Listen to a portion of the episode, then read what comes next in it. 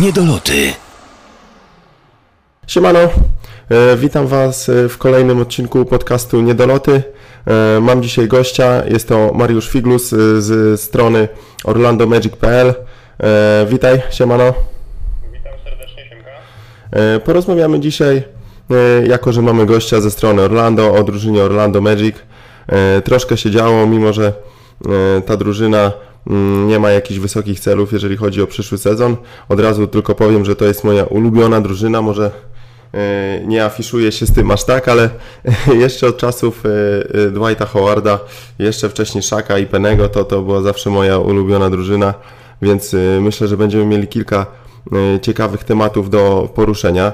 Najpierw oczywiście już temat sprzed tygodnia, mm, ale draft, bo Orlando miało dwa wysokie wybory w tym drafcie, numer 4, numer 12, więc e, o tym najpierw chciałbym porozmawiać, więc może najpierw od Ciebie Mariusz zaczniemy. Powiedz mi, jak oceniasz, czego się może najpierw spodziewałeś, e, kogo wybiorą e, z tymi numerami e, i jak oceniasz te wybory poczynione przez e, Roba Henningana? No ja właśnie średnio lubię oceniać wybory zaraz po drafcie, bo tak naprawdę e, prawdziwą wartość tych zawodników będziemy mogli ocenić nawet nie po przyszłym tylko jeszcze pewnie po, po dwóch, trzech sezonach. E, czego się spodziewałem? No, jakby dla mnie Magic mieli takie dwie, dwie zdefiniowane potrzeby. Pierwsza to był e, zawodnik typu guy, który, który będzie liderem, który będzie potrafił wziąć piłkę w swoje ręce, kiedy drużynie nie będzie szło. No ale z tym czwartym numerem e, takiego zawodnika raczej nie było. No, byli Wiggins i Parker, ale to było pewne, że oni pójdą e, z dwoma pierwszymi numerami. Mm, Dante Exum może takiego zawodnika wyrosnąć, ale no, to jest wielka niewiadoma i tutaj e, też sceptycznie dosyć po- podchodziłem do tego wyboru. Także wydaje mi się, że, że takiego prawdziwego e, lidera na przyszłość ciężko było z tą czwórką wybrać. Natomiast druga taka e, potrzeba, e, tutaj już łąca, łącząca oba te piki, to był e, no, rozgrywający, to wiadomo, i e, silny skrzydłowy, który potrafi bronić, bo takiego zawodnika moim zdaniem też nam bardzo brakowało. I tu w zasadzie te, te wymagania zostały spełnione. Chociaż wybór Gordona zaskakujący, ja też zrobiłem wielkie oczy, jak e, Adam Silver wyczytał e, jego nazwisko.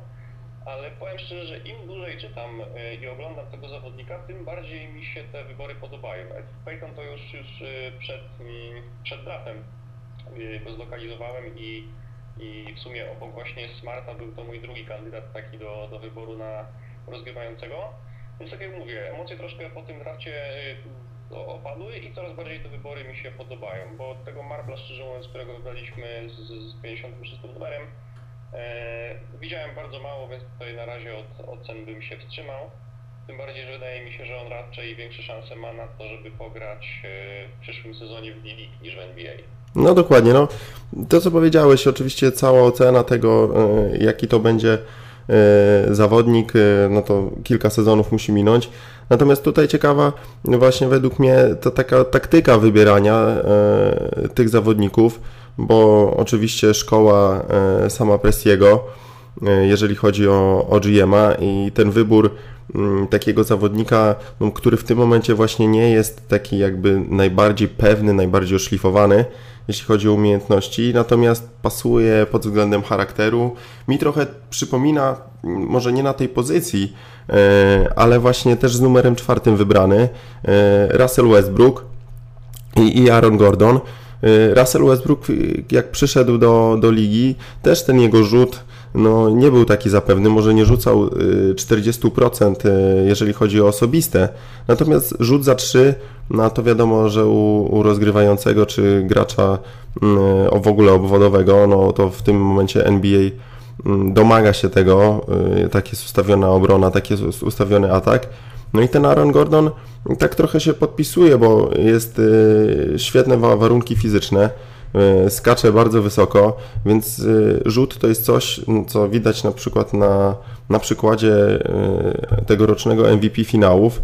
No jest coś, co można, co można się nauczyć, bo oglądałem filmy mm, na YouTubie z Kawajem Leonardem z San Diego State, gdzie rzucał po prostu za głowy, ten jego rzut był płaski, a wystarczyły dwa sezony z dobrym trenerem e, rzutowym, No i ten jego rzut jest ułożony, także Kałaj może rzucać z każdej pozycji. Nawet już zaczyna też coraz e, częściej sobie radzić e, z rzutami po prostu po koźle, gdzie, gdzie to jest zawsze ta najtrudniejsza.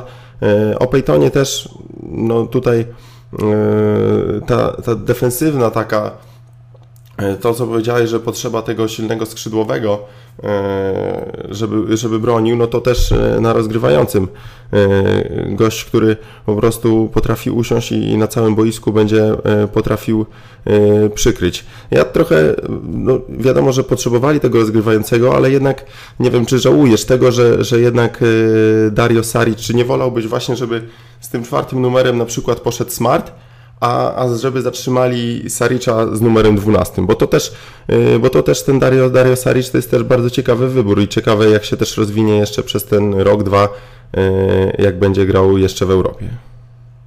Z tym Saricem to ja szczerze mówiąc, jak y, usłyszałem, że Magic go wybrali, to się dosłownie przeraziłem, bo ja mam cały czas przed oczami Frana Vasqueza, który też został wybrany z numerem i nigdy się nie doczekaliśmy e, jego, jego przylotu do, do Orlando i, i gry w NBA. Także ja jednak byłem nastawiony na zawodników, którzy już od przyszłego sezonu będą mogli, e, mogli reprezentować barwy Orlando, także po tej e, wymianie się zdecydowanie m, cieszyłem.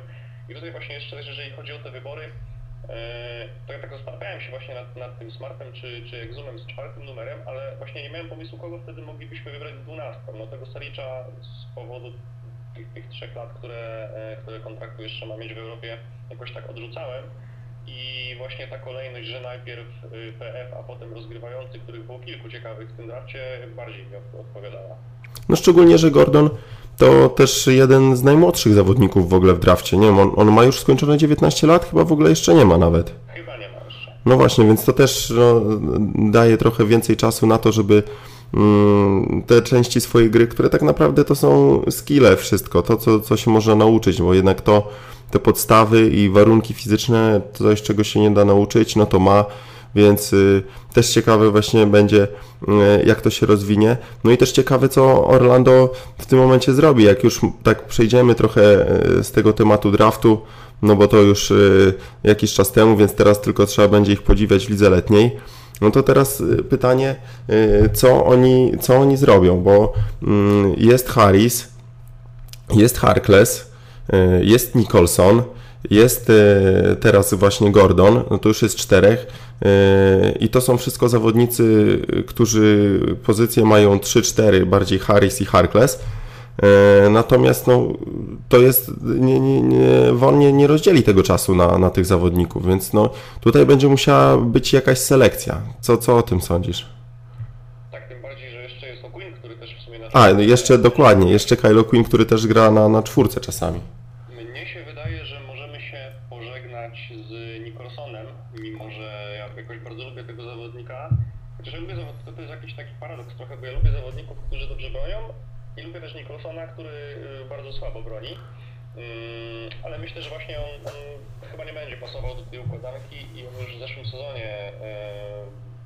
Coraz mniej minut od trenera.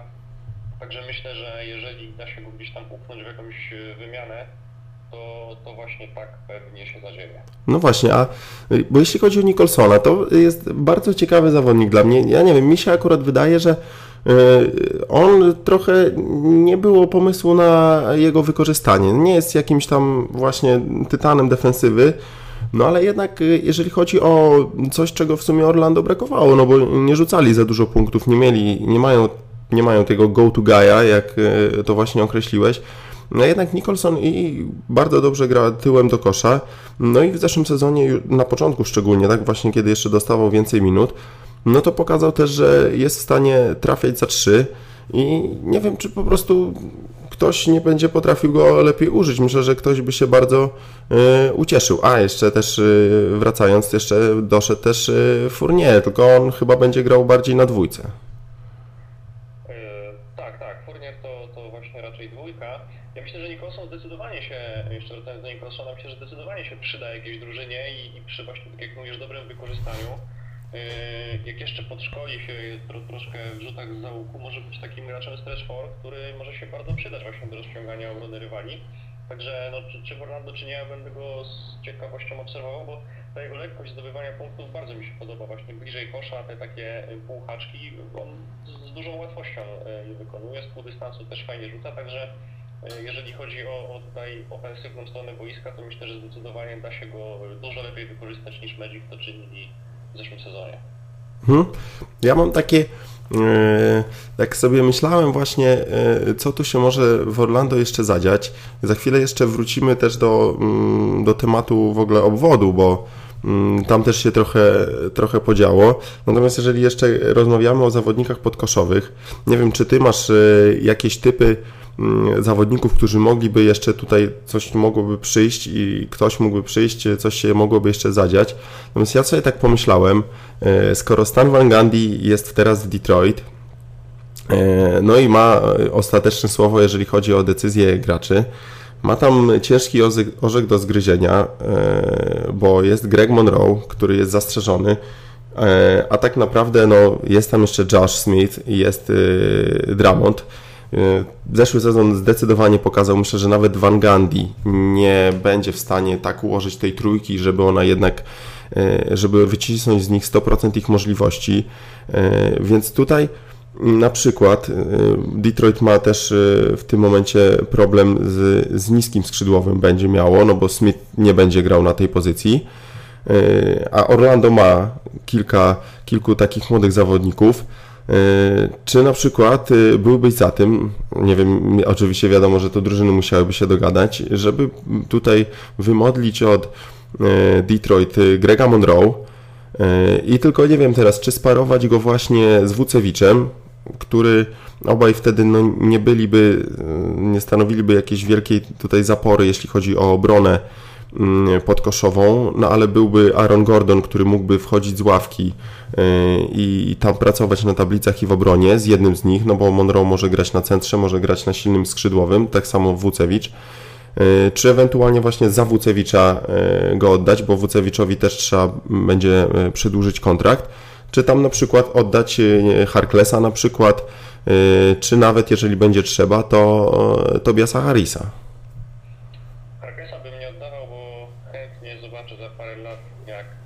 No tak, Harkless też w sumie ma dopiero 21 lat, trochę zapominamy, bo to w sumie jego trzeci sezon już w lidze.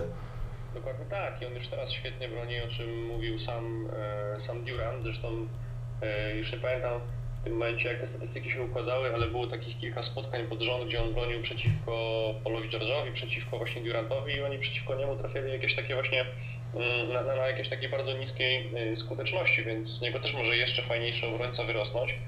Chociaż ta jego forma też była nierówna, szczególnie, e, szczególnie w ataku, aczkolwiek Harklesowi dałbym jeszcze szansę. Co do Harisa albo Wucewicza, myślę, że prędzej wymieniłbym Wucewicza niż Harisa chyba, bo na Harisa też jednak jeszcze cały czas liczę, on się cały czas rozwija. Milwaukee nie dostał szansy, a, a tutaj po przyjściu do Orlando faktycznie odżył. E, I myślę, że z niego może jeszcze fajniejszy gracz wyrosnąć. Także jeżeli już gdzieś tutaj mm, szukałbym wymiany, to faktycznie, e, faktycznie wymienić Wucewicza. E, i, i ten Monroe mógłby z powodzeniem być podstawowym centrem. Do tego dołożyć jeszcze jakiegoś, jakiegoś zmiennika i pod koszem faktycznie fajnie, fajnie taka, taka ekipa by wyglądała. No właśnie, bo e, Wucewicz z drugiej strony też 23 lata dopiero. No, wtedy fajnie bardzo by też wyglądała zbiórka, jeśli chodzi o Orlando. Ja chyba bym jednak oddał Harrisa mm, trochę ze względu na to, że mm, może być dla mnie ten sam problem, e, co z Nicholsonem trochę, z, z, używaniem jego, bo mm, on jest, jest dobrym zawodnikiem, właśnie też go lubię jeszcze, oglądałem akurat e, McDonald's All American z, z nim. I, i właśnie grał dobrze, to co się stało po wymianie z Orlando, zeszły sezon po prostu miał też ten problem z kostką, Natomiast mm, on jest takim właśnie zawodnikiem trochę bez tej określonej pozycji. No i tutaj musi albo być y, grać na czwórce, gdzie wtedy jest mniejszy i może y, no jest silny, ale jednak ci najwięksi i silni skrzydłowi y, typu Blake Griffin no jednak y, sprawiałby problem po prostu w obronie. Mm, No a też na bronienie pozycji numer 3 typu LeBron James, właśnie y, Paul George czy Kevin Durant, no też nie jest to y, tak jakby idealne ustawienie, więc ja bym tu się jednak chyba y, pożegnał z, z Tobiasem Harrisem. A nie wiem, czy ty właśnie masz jakieś, mm, jeśli chodzi o podkoszowych zawodników, bo właśnie do, do backcourtu przejdziemy, coś, y, co tutaj mogłoby się zdarzyć, czy po prostu Orlando w tym, na ten sezon pójdzie jeszcze y, właśnie z tymi wszystkimi zawodnikami, którzy w tym momencie są y, w składzie?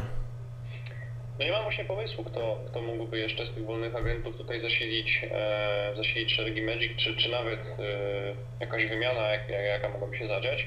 Mówiło się jeszcze o Trevorze Bookerze, to jest też inny skrzydłowy, ale też raczej to jest zawodnik po prostu do, do załatania gdzieś tam, e, no może nie dziury, ale do, to jest zawodnik... No tak, no Trevor Booker to raczej nie jest zawodnik, który akurat zrobi różnicę i będzie tam stanowił o, o sile zespołu, to chyba bardziej właśnie na, y, jako ławka i ewentualnie takie wzmocnienie.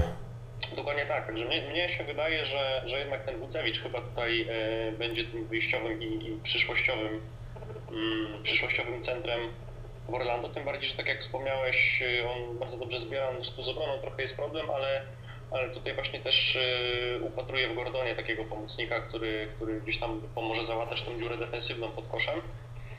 Nie wiem, nie wiem kogo, y, kogo z wysokich mogliby do Orlando sprowadzić. Tam czytam sobie też y, amerykańskie forum. Y, Orlando czasami bardzo chcieli tam swego czasu, żeby Gortat wrócił, no ale już po dzisiejszym dniu wiemy, że No nie, no to się nie wydarzy, zresztą jego wiek y, raczej nawet nie, nie spowodował, że w ogóle o, oglądali się na niego. Y, No dobra, a jeśli chodzi, bo y, możemy teraz w sumie porozmawiać o tym, co się zadziało, bo mam jeszcze jedno pytanie do Ciebie. Czy w ogóle trener, bo ja szczerze mówiąc, jak była zmiana warty, tak to nazwijmy, tak, i, i została cała stajnia wyczyszczona, poleciał Van Gundy, poleciał Smith, no i przyszedł y, Hennigan, wiadomo, że każdy GM sobie, jak jest nowy, zazwyczaj sprowadza sobie swojego trenera. Mm, No i mieli kilku tych trenerów. y, Z tego co ja czytałem, to ostateczny wybór padał między Wona a Hornaska. Y, Wiem, że wiadomo, że Won jest ze szkoły Papowicza, że spędził tam dwa lata na, na ławce jako asystent, grał też dla niego. Y, Natomiast no, widać, co zrobił Hornasek. Oczywiście poziom talentu y, jest y, inny niż miał w Orlando Won, chociaż nie wiem, czy aż tak duży. Natomiast nie widać tego progresu. Ja przynajmniej y, oglądając mecze Orlando, no, nie widzę tego progresu, że ci zawodnicy, no owszem, trochę się rozwijają, no ale jednak na przykład y, Nicholson nie był do końca według mnie używany tak jak powinien. Harkless też y, na początku sezonu zaczął trochę grać. Wiadomo, że trochę popracował w wakacje, ale później znowu właśnie tak przygasł. Miał takie nierówne mecze. W obronie wiadomo, że cały czas pracuje.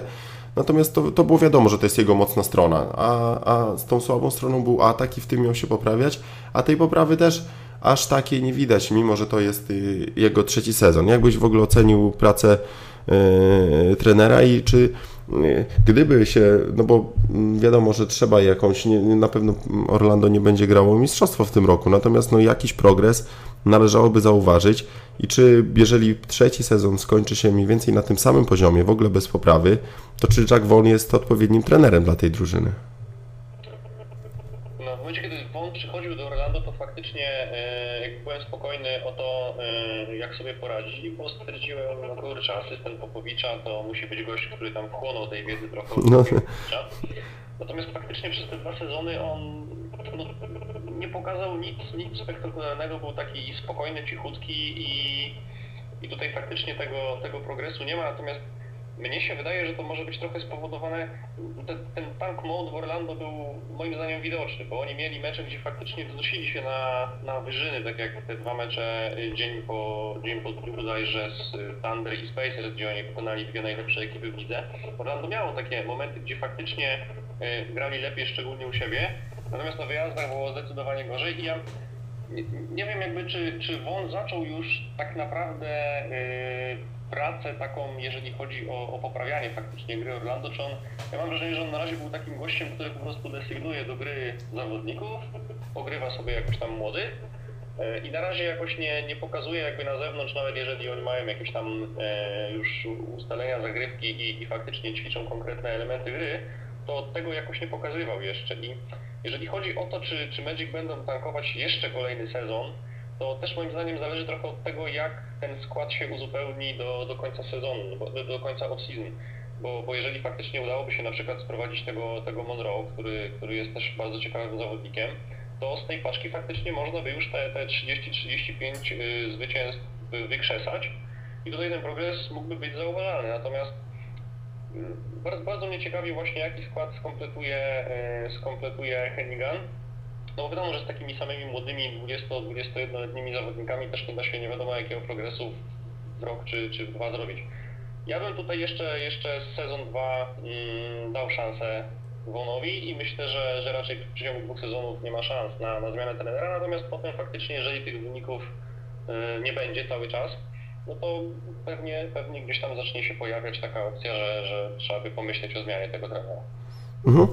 E, no właśnie, no bo w sumie e, określenie teraz, jakie, e, jaki jest plan w Orlando, bo mm, wiadomo, że to jest odbudowa zespołu i większość teraz czasu będą grać zawodnicy młodzi, natomiast kilka teraz ruchów typu właśnie zwolnienie tak, Jamira Nelsona z ostatniego roku kontraktu, no wiadomo, że to jest y, oszczędność 6 y, milionów, bo musieli mu zapłacić 2 z 8. Y, natomiast no, to był zawodnik, który grał od początku swojej kariery w Orlando, doprowadził ich powiedzmy pośrednio do finałów, no bo kontuzja w środku sezonu mu nie pozwoliła, natomiast to był jego jedyny sezon, gdzie został wybrany do All-Star Game. Dał wszystko w ogóle tej drużynie, no i tak jakby ten jeden sezon no jeżeli mieliby dalej tankować, chyba że po prostu też sam Nelson, mm, to nie wiem, czy były jakieś rozmowy, tak? Nelson po prostu nie chciał przegrywać, no ale z tego, co, co po prostu on mówił i co się dało wyczytać, no to on chciał dalej grać w Orlando. Jego rodzina całe, całe życie też praktycznie spędziła w Orlando. No jednak ten ruch sprawia, że no, wydaje się tak jakby po prostu się zbroili i chcieli się przynajmniej uzbroić na to, żeby jednak e, powalczyć o te playoffy. Wiadomo, że w konferencji wschodniej e, nie jest to zbyt trudne, bo nawet to, co powiedziałeś, czyli te 35-38 zwycięstw, pewnie jakoś już będzie stawiało zespół do walki w ogóle o playoffy. Więc jak myślisz, jaki właśnie jest plan? W którą stronę po tych ruchach, które teraz zrobili, my też czytałem, że chcą się pozbyć Maxiela, wywalili Dorona Lamba, E, więc no, trochę poczyścili e, ten skład i, i co oni z tym teraz zrobią? No tak, Maxiel, Maxiel na 90% myślę, że poleci, podobnie będzie pewnie z Price'em, e, tym bardziej, że, że przyszedł Green. Natomiast jeżeli chodzi o Nelsona, ja mam wrażenie, bo Rob Hennigan cały czas mówi o długofalowym planie. On mówi, że on nie chce, e, nie chce żadnych ruchów wykonywać, które powiedzmy spowodują, że Magic na jeden sezon awansują do playoffów, tylko on mówi o tym, że chce z drużyny zrobić faktycznie jakąś powiedzmy potęgę na, na lata, niekoniecznie... No wiadomo, wiadomo co jest wzorem, tak? Która drużyna, jedna z drugą. Zgadza się. Mm, I z tym Nelsonem to ja to trochę postrzegam może tak, że y, gdyby on został na przyszły sezon, to zapewne grałby sporo mniej bo, bo mamy Peytona, którego trzeba będzie e, ogrywać, może przyjdzie jeszcze jakiś, jakiś młodszy zawodnik. I wydaje mi się, że to był taki trochę ukłon strony Nelsona też, żeby nie trzymać go jeszcze na siłę ten jeden rok więcej, tam nawet wypłacić mu te 8 milionów, które tutaj chyba jakoś wielkiego znaczenia nie miały. E, wydaje mi się, że teraz po prostu Nelson będzie miał większą szansę, żeby jeszcze do jakiegoś klasowego zespołu, w którym będzie mógł walczyć o mistrzostwo pójść bo gdyby jednak przesiedział e, sporą część przyszłego sezonu na ławce, to te szanse wydaje mi się byłyby mniejsze. Także, także wiadomo było, że z Nelsonem się czy po tym, czy, czy mm, po jeszcze przyszłym sezonie rozsta, Magic rozstaną i, i stąd wydaje mi się tak szybkie jego zwolnienie, żeby właśnie mógł nowego pracodawcę znaleźć. Natomiast w którą stronę Magic idą, ciężko mi powiedzieć. W tym momencie właśnie po tych ruchach, które zostały wykonane, znowu mi to pachnie bardziej takim słabym tym przyszłym sezonem i jeżeli nie dodamy żadnego y, dobrego zawodnika, takich wiadomo, że no, tych przedwodnych agentów nie, nie ma zbyt wielu i jeżeli ci młodzi zawodnicy Orlando nie, nie wskoczą nagle na jakiś dużo wyższy poziom, to będzie ciężko, żeby, żeby faktycznie te 30 nawet czy 35 meczów wygrać. Także ja, ja w tego Helikana jakoś tam wierzę. On, te ruchy, które wykonywał do tej pory były dobre i co mówi też na, na konferencjach prasowych czy podczas wywiadów wydaje mi się sensowne. Ale tak jak mówię, wydaje mi się, że to będzie plan jakiś taki długoterminowy i nie zdziwiłbym się, gdyby ten przyszły sezon jeszcze był, był cały czas słaby, chociaż liczę bardzo na to, że jednak y, Magic wejdą na ten wyższy poziom i gdzieś tam o te playoffy powalczą i będziemy mogli się poemocjonować sezonem troszkę dłużej niż dwa ostatnie sezony.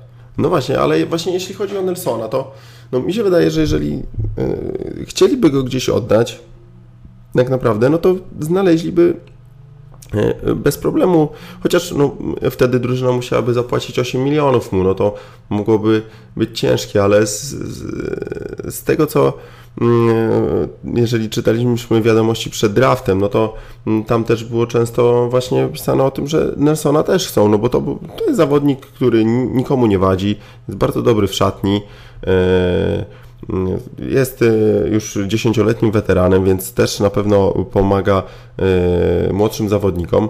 Więc tutaj trochę takie mm, dla mnie sprzeczne to, to było zwolnienie go takie szybkie. Pewnie mieli też jakiś deadline, żeby zadecydować, co, co z nim robią. Y, no ale nie wiem, 10 lat spędził, myślę, że ten jeden sezon yy, później mógłby ewentualnie wziąć jakąś obniżkę za, za mnie, jeżeli naprawdę chciałby spędzić całą karierę w, w jednym klubie.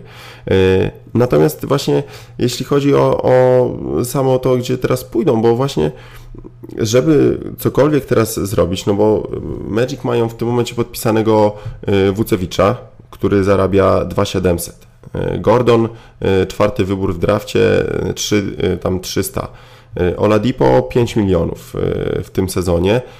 Harris 2 miliony, Maxil 2,5, ale pewnie gdzieś tam go wymienią. Peyton 2 miliony, Harkless 2, Nicholson 1,5, Fournier 1,5, więc to nam się sumuje do no, jakieś tam Nelsonowi zapłacą 2 miliony, więc to nam się łącznie sumuje, nie wiem, gdzieś do 20 milionów. Yy, minimalne wydatki na, na pensję to jest 75% yy, cap space, yy, więc będzie to ponad jakieś 15 milionów z 63 trzeba będzie odjąć, no to daje coś koło 50 milionów, które będą, więc jeszcze 30 milionów albo muszą wydać na zawodników, Y, przed rozpoczęciem sezonu, y, albo po prostu te, ta kasa, te 30 milionów zostanie rozdana y, tym zawodnikom, którzy są, więc mm, no tutaj myślę, że no ruchy jakieś muszą być i to jakieś takie ruchy, gdzie będą zaangażowani zawodnicy z dużymi kontraktami, chyba, że Orlando po prostu będzie się bawiło w katalizator i, i pomoże na przykład przy tradzie Kevina Love za, za jakiś draft pick, czy, czy za jakiegoś młodego zawodnika, e, czy ktoś tam jeszcze jak e, będzie nagle dostępny. No tak, to o czym mówisz właśnie sugerowałoby, że faktycznie e, te plany, nasz, te, te plany GMA Magic muszą, muszą już w tym sezonie zakładać, zakładać dodanie jakichś wyższych kontraktów tu znowu wrócę do Monroe, bo myślę, że jeżeli jego będzie jakaś drużyna chciała wyciągnąć z Detroit, to mm, ten kontrakt, który on dostanie, no myślę, że będzie pewnie większy niż to, co dostał Gortat, czyli on pewnie dostanie jakieś tam 14 czy 15 milionów w tej sytuacji Magic takie pieniądze mogą mu, e, mogą mu zapłacić. A być może e, Magic będą chcieli też wymienić właśnie kilku zawodników i pozyskać jakieś kontrakty, tak jak mówisz, być może w jakiejś większej wymianie pod się podłączyć. Także jestem właśnie bardzo ciekawy i nie do końca y, potrafię sobie wyobrazić, co ten zarząd Magic kombinuje. Natomiast wracając jeszcze do Nelsona, właśnie też bardzo chciałem, żeby ten zawodnik został w, w tym Orlando y, na, na, na dłuższe lata i, i była taka szansa, więc tak jak powiedziałem, że na początku, że nie do końca chodziło o te 8 milionów, teraz właśnie tak sobie myślę, że może jednak właśnie chodziło o tą, o tą oszczędność tej szóstki, także to mam trochę takie no, nie, zapom nie, zapominajmy, że y, Magic jeszcze w tym sezonie y, płacą 22 miliony y, pewnemu zawodnikowi, który od dwóch sezonów w ogóle nie powąchał parkietu NBA. Tak? No, mówimy o Gilbercie Arinasie.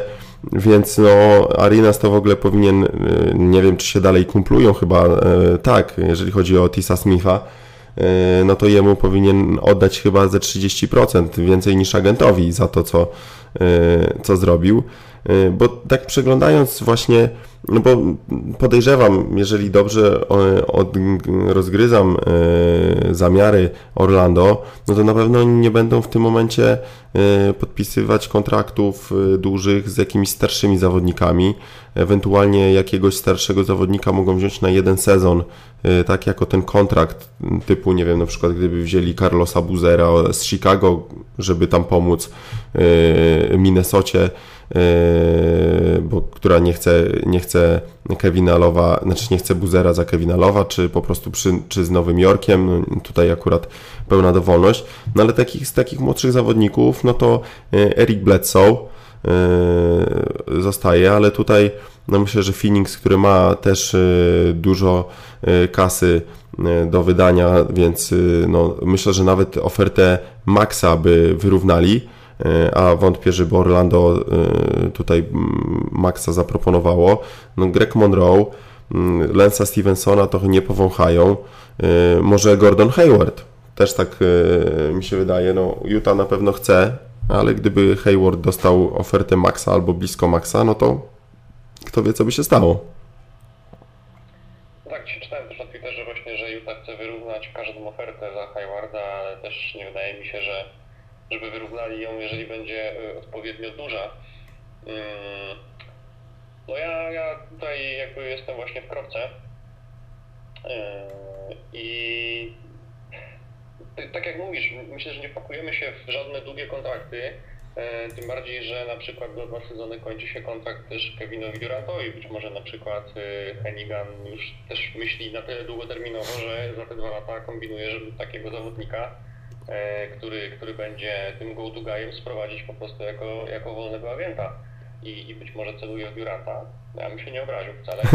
No myślę, że w Duranta pewnie celuje 29 innych drużyn. E, pewnie tam większość się wykruszy, bo część ta, która nie będzie miała miejsca, natomiast tych drużyn, no właśnie, no nie może właśnie kombinują w ten sposób, żeby e, powtórzyć rok 2000, gdzie było blisko duetu Y, Hill Duncan w Orlando. No, Orlando to nie jest Miami, niby tam plaży, y, plaży tak South Beach blisko nie ma, natomiast no też jest to y, miejsce, gdzie blisko do Miami jest, też nie ma tego stanowego podatku. Hala jest świetna. Teraz będą też budować jakiś tam cały kompleks treningowy na, tam po drugiej stronie ulicy za jakąś też grubą kasę, więc no, y, jest, y, jest dużo możliwości. Mm, nie wiem, a jeżeli chodzi o mm, w ogóle y, to, to, to jak Orlando, no ciężko pewnie też ocenić, bo, bo połowy składu nie ma. Mm, natomiast jak, jak byś oceniał progres, kto, kto zrobi tutaj największy progres indywidualnie? Yy, Tobias Harris po, po tym sezonie, gdzie trochę był jednak tymi kontuzjami przymęczony, czy może jednak w końcu Harkless yy, pokaże swoje prawdziwe możliwości, czy może już yy, któryś z pierwszoroczniaków wejdzie i zacznie jakieś grać pierwsze skrzyce? Tak, Harris, Harkless, wydaje mi się, że oboje powinni poczynić postępy. Mam wrażenie, że to będzie ten sezon właśnie Harklessa, że, że on faktycznie włączy ten piąty bieg. Jeżeli tego nie zrobi, i jeżeli będzie prezentował taką formę y, jak dwa ostatnie sezony, to myślę, że tutaj będzie do rozważenia opcja, żeby się z nim jednak pożegnać, no bo on grał mocno w kratkę. Mm, tych osobistych też jakoś nie mógł się, nie mógł się nauczyć rzucać. On miał takie serie, że faktycznie tam trafiał przez miesiąc powiedzmy, nie wiem, 80%, nagle ta skuteczność znowu mu, mu bardzo spadała.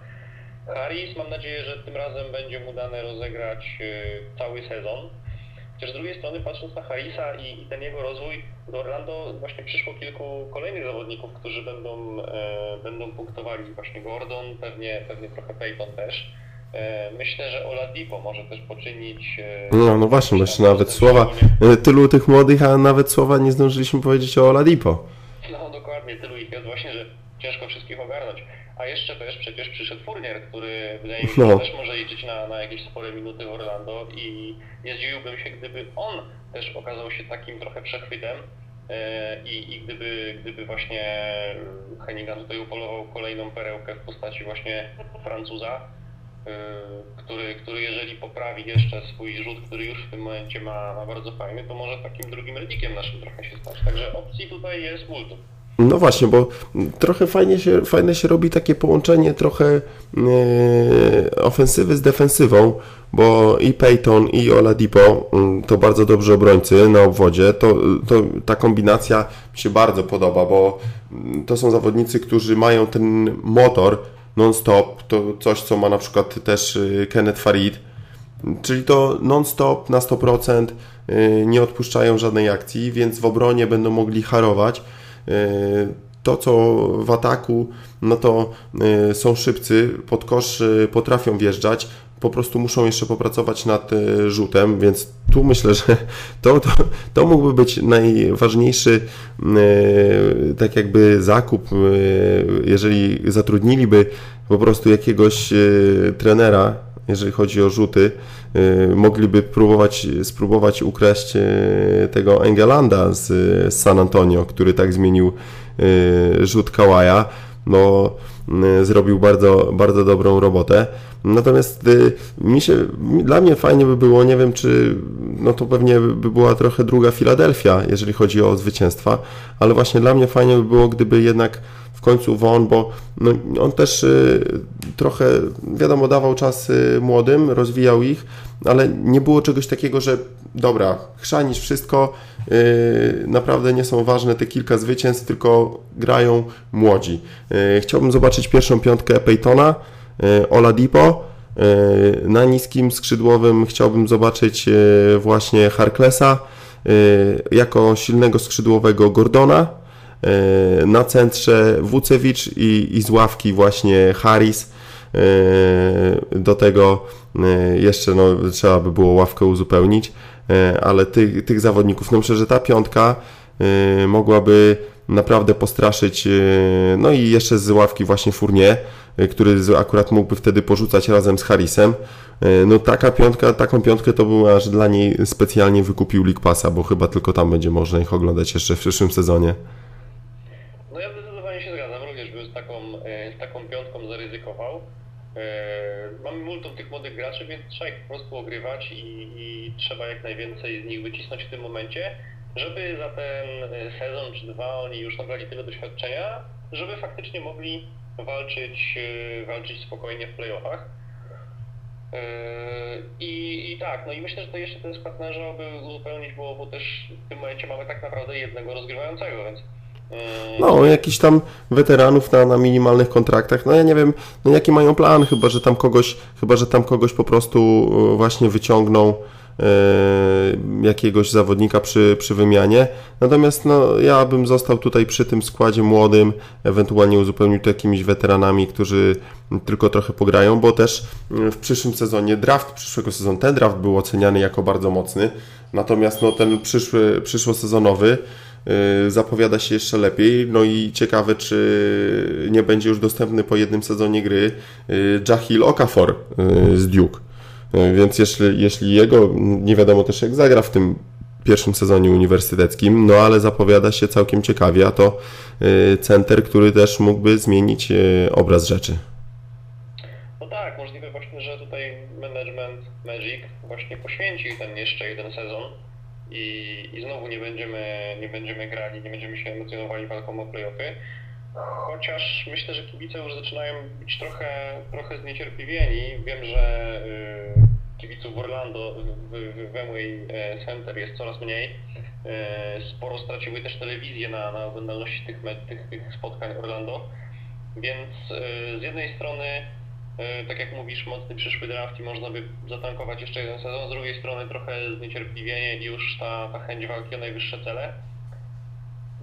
Ciężko mi powiedzieć naprawdę, co, co skompletuje na koniec No dużo, sezonu. dużo, dużo jeszcze zagadek zostało. Pewnie będziemy się dowiadywać na bieżąco e, w trakcie sezonu. No dobra, Mariusz, myślę, że e, to jak e, wygląda sytuacja zostało powiedziane. Myślę, że niedługo zaczyna się Liga Letnia więc y, warto będzie jeszcze pogadać, jak już będzie y, znany cały skład, będzie można ocenić też y, pierwszorundowe wybory w drafcie, to jak się, jak się pokażą. No i myślę, że wtedy, wtedy jeszcze o tym porozmawiamy. Jasne, ja jeszcze na koniec właśnie mi się przypomniała jedna rzecz, którą miałem powiedzieć odnośnie Gordona. Jeszcze przed tym ja y, czytałem jego, nie pamiętam gdzie, czytałem jego jedną wypowiedź, w której on powiedział, że on zdaje sobie sprawę z tego, z tych wszystkich swoich ograniczeń, z tych swoich wszystkich niedoskonałości, ale powiedział, że ma taki potencjał, że jeżeli go w pełni wykorzysta, to będzie najlepszym Tak, tego draftu. tak, Ja tak. Tutaj to podsumował. Dokładnie, i to, ale właśnie to jest, to jest ta charakterystyka tych graczy. To, y, oni sobie zdają sprawę z tych swoich słabości i będą pracować ciągle, żeby y, te słabości stały się ich y, silnymi stronami. No ja jestem właśnie ciekawy. No szkoda, że trzeba będzie pewnie kilka lat poczekać na to, jak się rozwinie, mm, ale właśnie z tego początkowego takiego o nie, co zrobili, był Dante Exum, to fajnie to jednak e, wyszło. Myślę, że ma Gordon bardzo, bardzo dobry potencjał. No dobra, no to w takim razie mm, dzięki Ci Mariusz za rozmowę. E, Myślę, że niedługo e, ponownie się usłyszymy e, i będziemy dalej sobie mogli porozmawiać o Orlando Magic. Dzięki serdeczne, było mi bardzo miłe, pozdrawiam. Pozdrawiam, siema. Siema.